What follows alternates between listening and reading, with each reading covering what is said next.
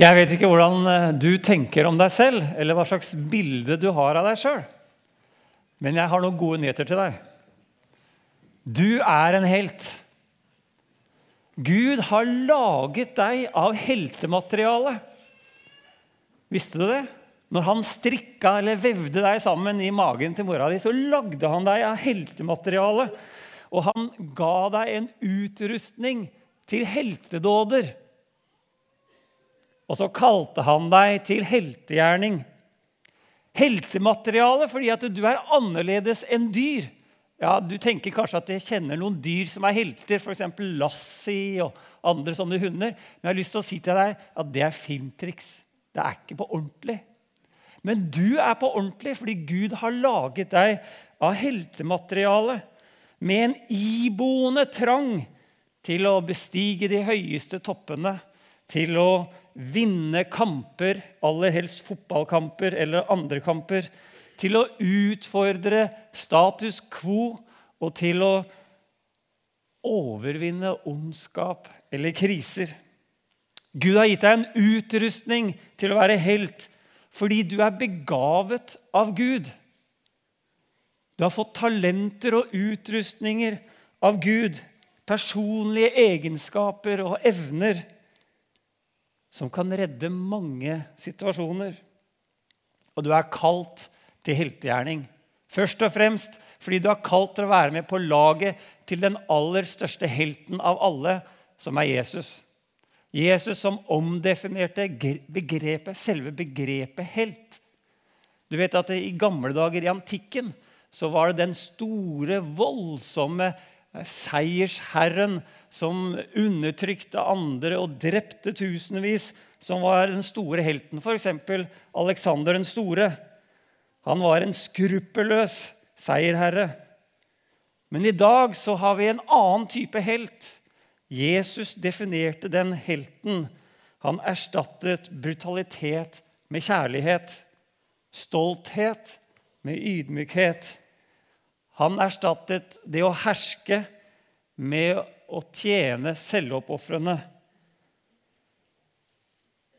Og han eh, var en helt som nektet å bøye seg for ondskap og falskhet, til og med frykt for døden. Men vent litt, sier du kanskje. Jeg er ikke helt en sånn klatre på de høyeste fjelltoppene-helt. Jeg liker jo best å sitte i sofaen og strikke. Men eh, om det er deg, så kan jeg kanskje vise deg dette bildet. Og når du ser det bildet, så kanskje kjenner du at empatien reiser seg inn i deg fordi Gud har skapt deg med empati og medfølelse. Og så er det kanskje noe annet som reiser seg opp inni deg, som, som jeg vet at du har. Og det er en sånn sans av rettferdighet. Og så tenker du det der er ikke riktig. Til og med så er den sansen om rettferdighet så sterk at når det ikke gjelder deg sjøl, så sier du også med stor frimodighet sånn der skal det ikke være.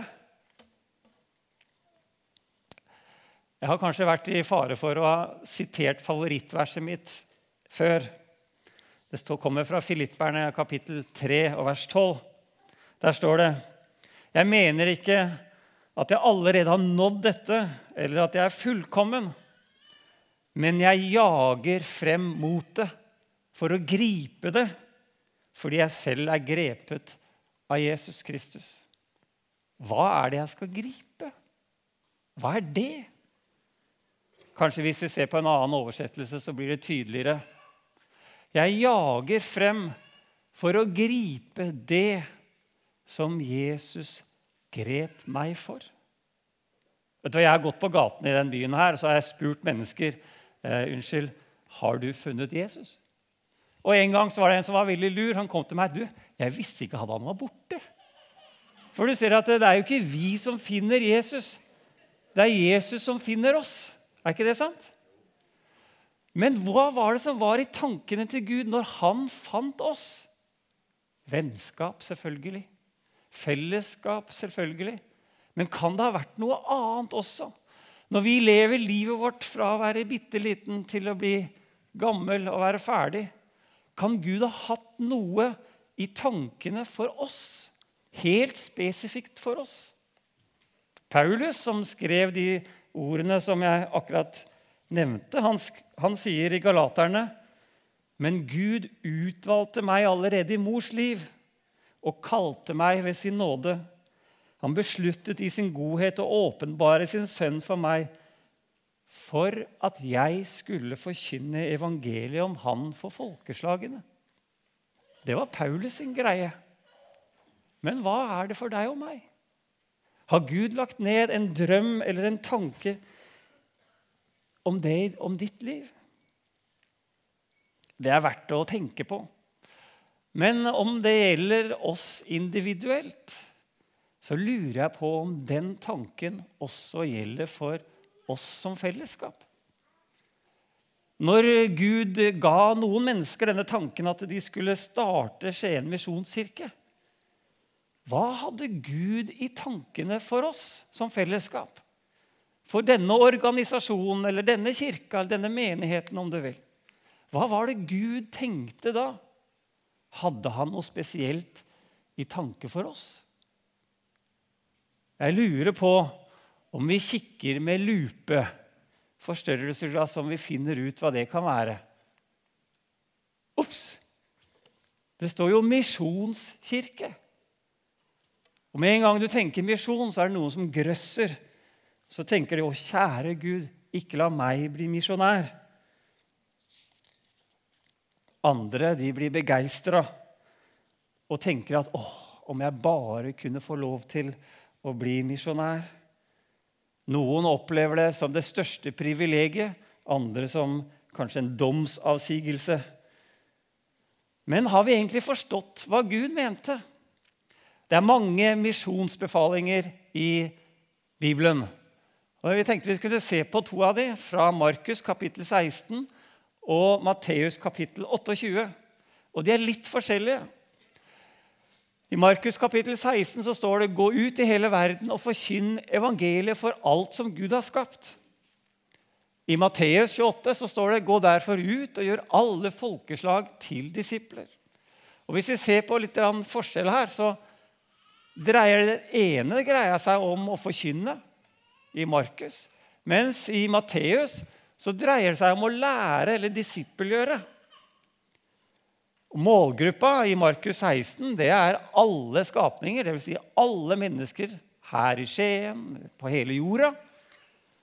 Mens målgruppa i Matteus 28 er alle folkeslag. Og Nå er jeg blant dem som tror at det er viktig for oss at vi reiser til Afrika og presenterer evangeliet for dem. Det har jeg sjøl gjort. Men jeg tenker her er det en annen måte å tenke det på også. For hvis du tenker folkeslag som gruppe På engelsk så står det 'nasjoner'. Så er det kanskje mer et fellesskap. Mens Markus snakker om å evangelisere for fellesskapet, nei, for, for enkeltpersoner, så dreier det seg om i Matteus om å bygge samfunn.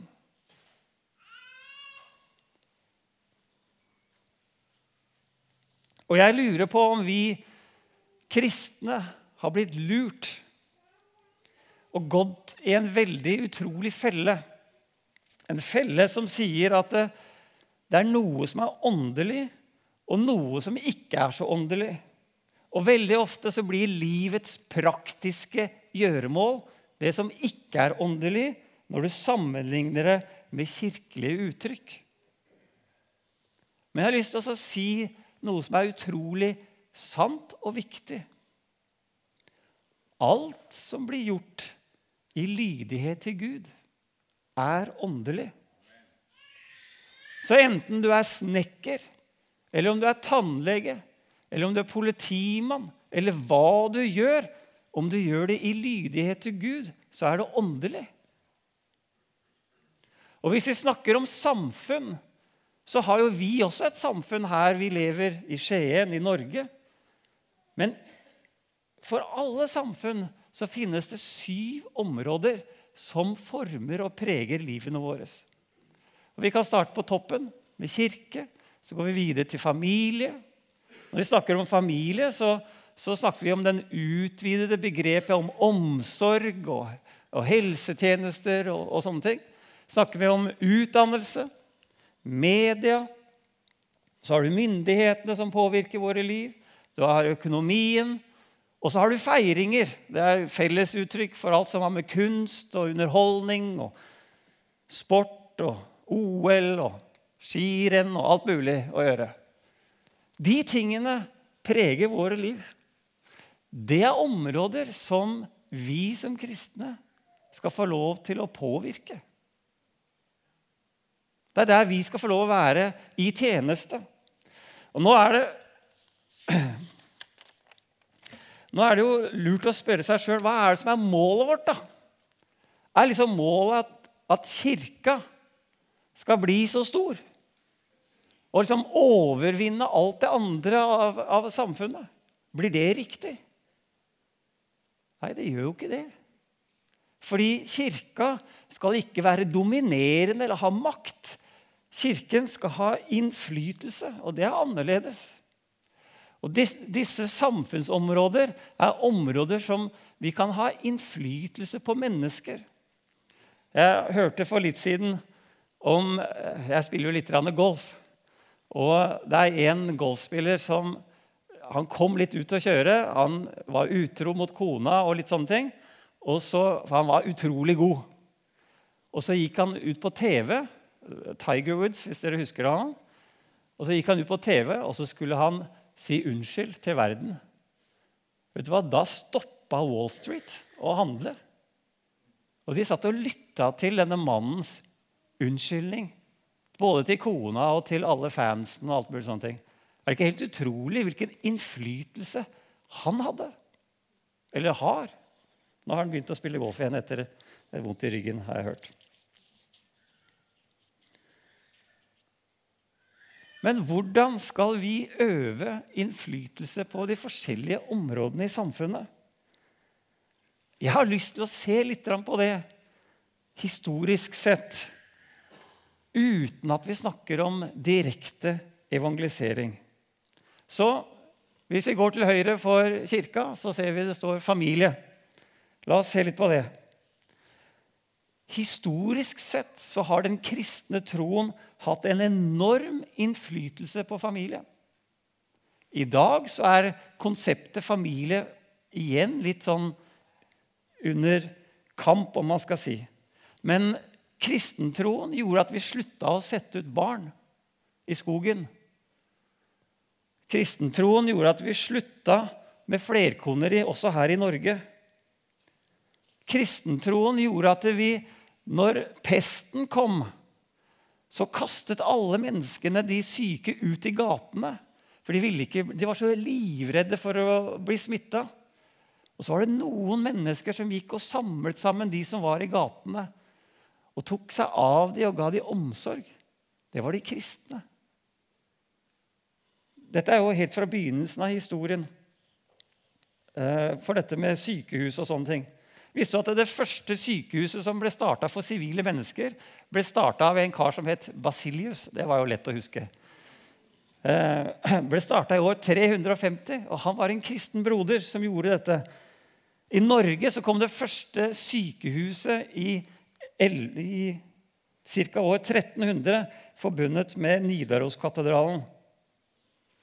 Apropos sykehus. Jeg gikk en tur eh, her forrige uke. Og så gikk jeg inn på et sykehus, og der møtte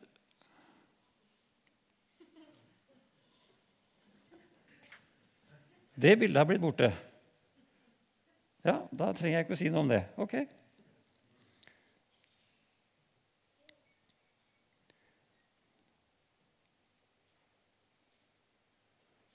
I avisen på lørdag jeg glemte til og med å ta med avisa. vet du. Er det mulig?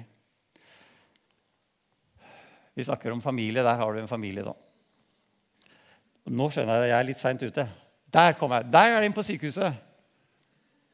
Jeg gikk inn på sykehuset, og så så jeg det i taket. Rett innafor døra. Og jeg skvatt. Tenkte, er dette mulig, da? Hysj, tenkte jeg. Ikke, ikke ha så tydelige bokstaver. Det er jo eh, veldig direkte. Kan man ha sånt på sykehus? Har Jesus noe med sykehuset å gjøre i dag? Eller er det, hva med alle de muslimene som kommer inn der, eller andre? Hadde det ikke vært mye bedre om de hadde malt bokstavene hvite, slik som eh, korset på Gjerpenkapellet? Og i avisa så plukka jeg opp et intervju av en, en lege. Han jobber i, på akutten og på, på eh, Hva heter det for noe? Legemottaket? Nei, hva heter det for noe? Legevakta, takk skal du ha, i Bergen. Og så, så sier han uh, følgende uh, hans, Hele temaet var, var, om å være kristen på jobben. Eller å være, ha med Jesus på jobben. Og, og, når vi snakker om å ha med Jesus på jobben, så har jeg alltid tenkt at hvis jeg skal ha med Jesus på jobben, så må jeg enten snakke med de jeg jobber sammen med om Jesus, eller, eller kristne ting. Eller så må jeg være så utrolig hyggelig og snill at de skjønner at jeg er, må jo være kristen eller noe sånt. Nå. Da har jeg med Jesus på jobben. Men vet du hva han legen sa? Og jeg likte det så godt. Som lege ser jeg meg selv som medskaper. Jeg deltar i Guds arbeid på jorda. Jeg er hans hender, hans føtter, hans øyne. Og jeg likte det så godt. Her var det en som bare holdt på med legegjerningen. Å fikse syke, reparere, sy sammen, gipse. Og så sa han dette er å være en Guds medskaper. Tror dere det kan være å gi Gud ære? Kan det være med på å, å disippelgjøre samfunnet vårt? Jeg tror det. Kanskje ikke han trenger å si noen ting. Trenger kanskje ikke være hyggelig engang. Jeg vet ikke. Vi går videre. Utdannelse var neste greie. Her har du et lite blikk fra skolen. Har du hørt uttrykket at 'nøden lærer naken kvinne å spinne'? Har du hørt det? Ja, men Det er ikke alltid sant. Det er sant i bare noen kulturer. I kulturer som er preget med en sånn verdensanskuelse som gjør at de kan tenke nytt. Kristen tenkning satte observasjon over logikk. Det medførte at det var en, en, en vitenskapelig revolusjon i, i, vår verdensdel. Å bruke hodet var et resultat av å søke etter sannheten om Gud. Gud, logos, ordet, og kristendommen satte oss fri fra myter og magi. Og det har gjort til at Vesten var det første stedet i hele verden hvor man produserte mer enn man trengte. Hvorfor skal folk utdanne sine undersåtter? Hvorfor skal konger eller myndigheter utdanne sine undersåtter? Det er ingen som sier det er automatikk i det. Jeg jobber en del med utdannelse. Jeg Har, eller vi har mer enn 4000 barn i Afrika i skolene våre. Flere barn enn det går fra 1. til 7. klasse her i Skien. Hvorfor gjør vi det? Jo, fordi vi tror at det er viktig å lære å lese. Historisk sett har kristen læring vært den største motivasjonen for utdannelse. Alle troende burde kunne lese. Alle burde ha utdannelse fordi de er prester i Guds rike. Og igjen i norsk historie de første skolene det var katedralskolene som kom på 1150-tallet. Allmueskolen kom i 1739. Og Da måtte man gå to måneder på skolen i løpet av året. Det hadde vært noe det for, for deg som er lærer. Hæ? Det hadde vært lang sommerferie. Men ikke nok med det.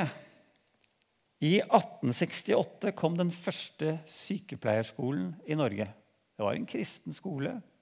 Det var de som hadde bygd den, det sykehuset hvor det sto 'Jesus er veien, sannheten og livet'. Og i Og det var lenge før kvinner fikk eh, lov til å ta artium en gang. I 1890 kom det andre kristne sykepleierutdannelsen i Norge. Og i 1925, altså mer enn 50 år etterpå, så kom staten etter og lagde en, en sykepleierskole. Har Jesus noe med sykehuset å gjøre i dag? Jeg tror det. Om ikke det er for å evangelisere, men kanskje for å snakke om verdighet og likhet. Du vet at konseptet likhet det er ikke noe du kan sette ned i naturen og studere og finne ut av. Hvis du ser, så ser du at mennene er sterkere enn kvinnene. Det er jo ikke noe likhet i naturen. Det kommer i hvert fall ikke fra evolusjonslæren, hvor du har den sterkestes rett. Eller, eller hele evolusjonsteorien som er bygget på ulikheter, tenkte jeg. Og så skjønte jeg at Gud kalte jo ikke mannen på grunn av, men han kalte Moses til tross for. For Moses var jo ikke en perfekt mann. Moses han var ganske annerledes. Jeg vet ikke om du føler deg annerledes og utafor noen gang. Men er det i hvert fall én som var utafor, så var det Moses. Han vokste opp hele livet sitt utafor fellesskapet. Når han vokste opp hos farao, så hadde han nesten ingen kontakt med, med jødene. Så drepte han en mann. Han ble morder. Han hadde en sans av rettferdighet som ikke var helt i balanse. Så når han så det var noen som var undertrykt, så, så drepte han tilbake. Og Så måtte han flykte, og så bodde han 40 år i ørkenen. Og Hvis du har bodd 40 år i ørkenen, da snakker folk annerledes når du kommer tilbake igjen. Da har du ikke kontakt med kulturen lenger. Han var en einstøing. Han var ikke noe god kommunisator. Han var fraværende, og han var høyst uvillig til å ta på seg jobben. Og hva var jobben hans? Han skulle redde ut jødene fra Egypt og ta dem inn i det lovede landet. Men det var jo ikke det som var jobben. Jobben hans var å bygge en nasjon. Og så var han utafor. Jeg jobber litt med bistand og sånn. Og jeg bare har lyst til å si det at hvis du sitter der, så har du ingen stor sjanse for å lykkes i å endre samfunnet. Men likevel så valgte Gud han som var utafor. Det er jo helt utrolig. Så begynte han å jobbe med oppgaven, og så fikk han eierskap til jobben. På et tidspunkt så var han så fast han var så overgitt til denne jobben om å bygge denne nasjonen og lede folket at når Gud hadde lyst til å gi opp hele israelsfolket, ja, da begynte han å krangle med Gud. Så sa han, 'Gud, nå må du ikke gi dem opp. Nå må du føre dem helt igjennom.' Ok, da, sa Gud. Og så gikk Moses opp på fjellet. Og så var han sammen med Gud, og på fjellet så skjedde noe, et mirakel. For dette miraklet skjedde at Gud lagde to steintavler. Og på de steintavlene så skrev Gud med sin egen finger. Dette var Guds eget verk, står det. Og så tar han med seg disse steintavlene og så går han nedover. Og så går han nedover og så hører han at det er litt fest og feiring nede i leiren. Og så finner han ut hva er som har skjedd. Og så har alle folka til og med broren hans de har bygd en gullkalv, en avgud, og så sier de dette, og så peker de på gullkalven, er guden som tok oss ut av Egypt. Og da blir Moses skikkelig oppgitt. Jeg har jo mislykkes i å forme en nasjon. Jeg har mislykkes i å føre dem ut. Så tar han disse to steintavlene og så bare pælmer han dem ned og knuser dem og så kjenner jeg på den frustrasjonen. For noen ganger som far og som foreldre så har jeg lagt merke til at ja, ikke bare barna, men andre mennesker, når de opplever sterk frustrasjon, så ødelegger de mer for seg sjøl. Tenk å ødelegge det dyrebare som Gud hadde gjort. Guds eget verk. Og det blir så miserabelt. Det blir så frustrerende. Det blir så oppgitt. Det er fortvilelse. Midt i den situasjonen så står det et vers i andre Mosebok, kapittel 33. Da talte Herren til Moses, ansikt til ansikt, som en mann snakker til en annen mann. Og det er sterkt. Midt i sorgen, midt i frustrasjonen, midt i oppgittheten. Og Jeg har lyst til å spørre deg åssen er det med deg? Har du kjent på en drøm om å gjøre noen ting?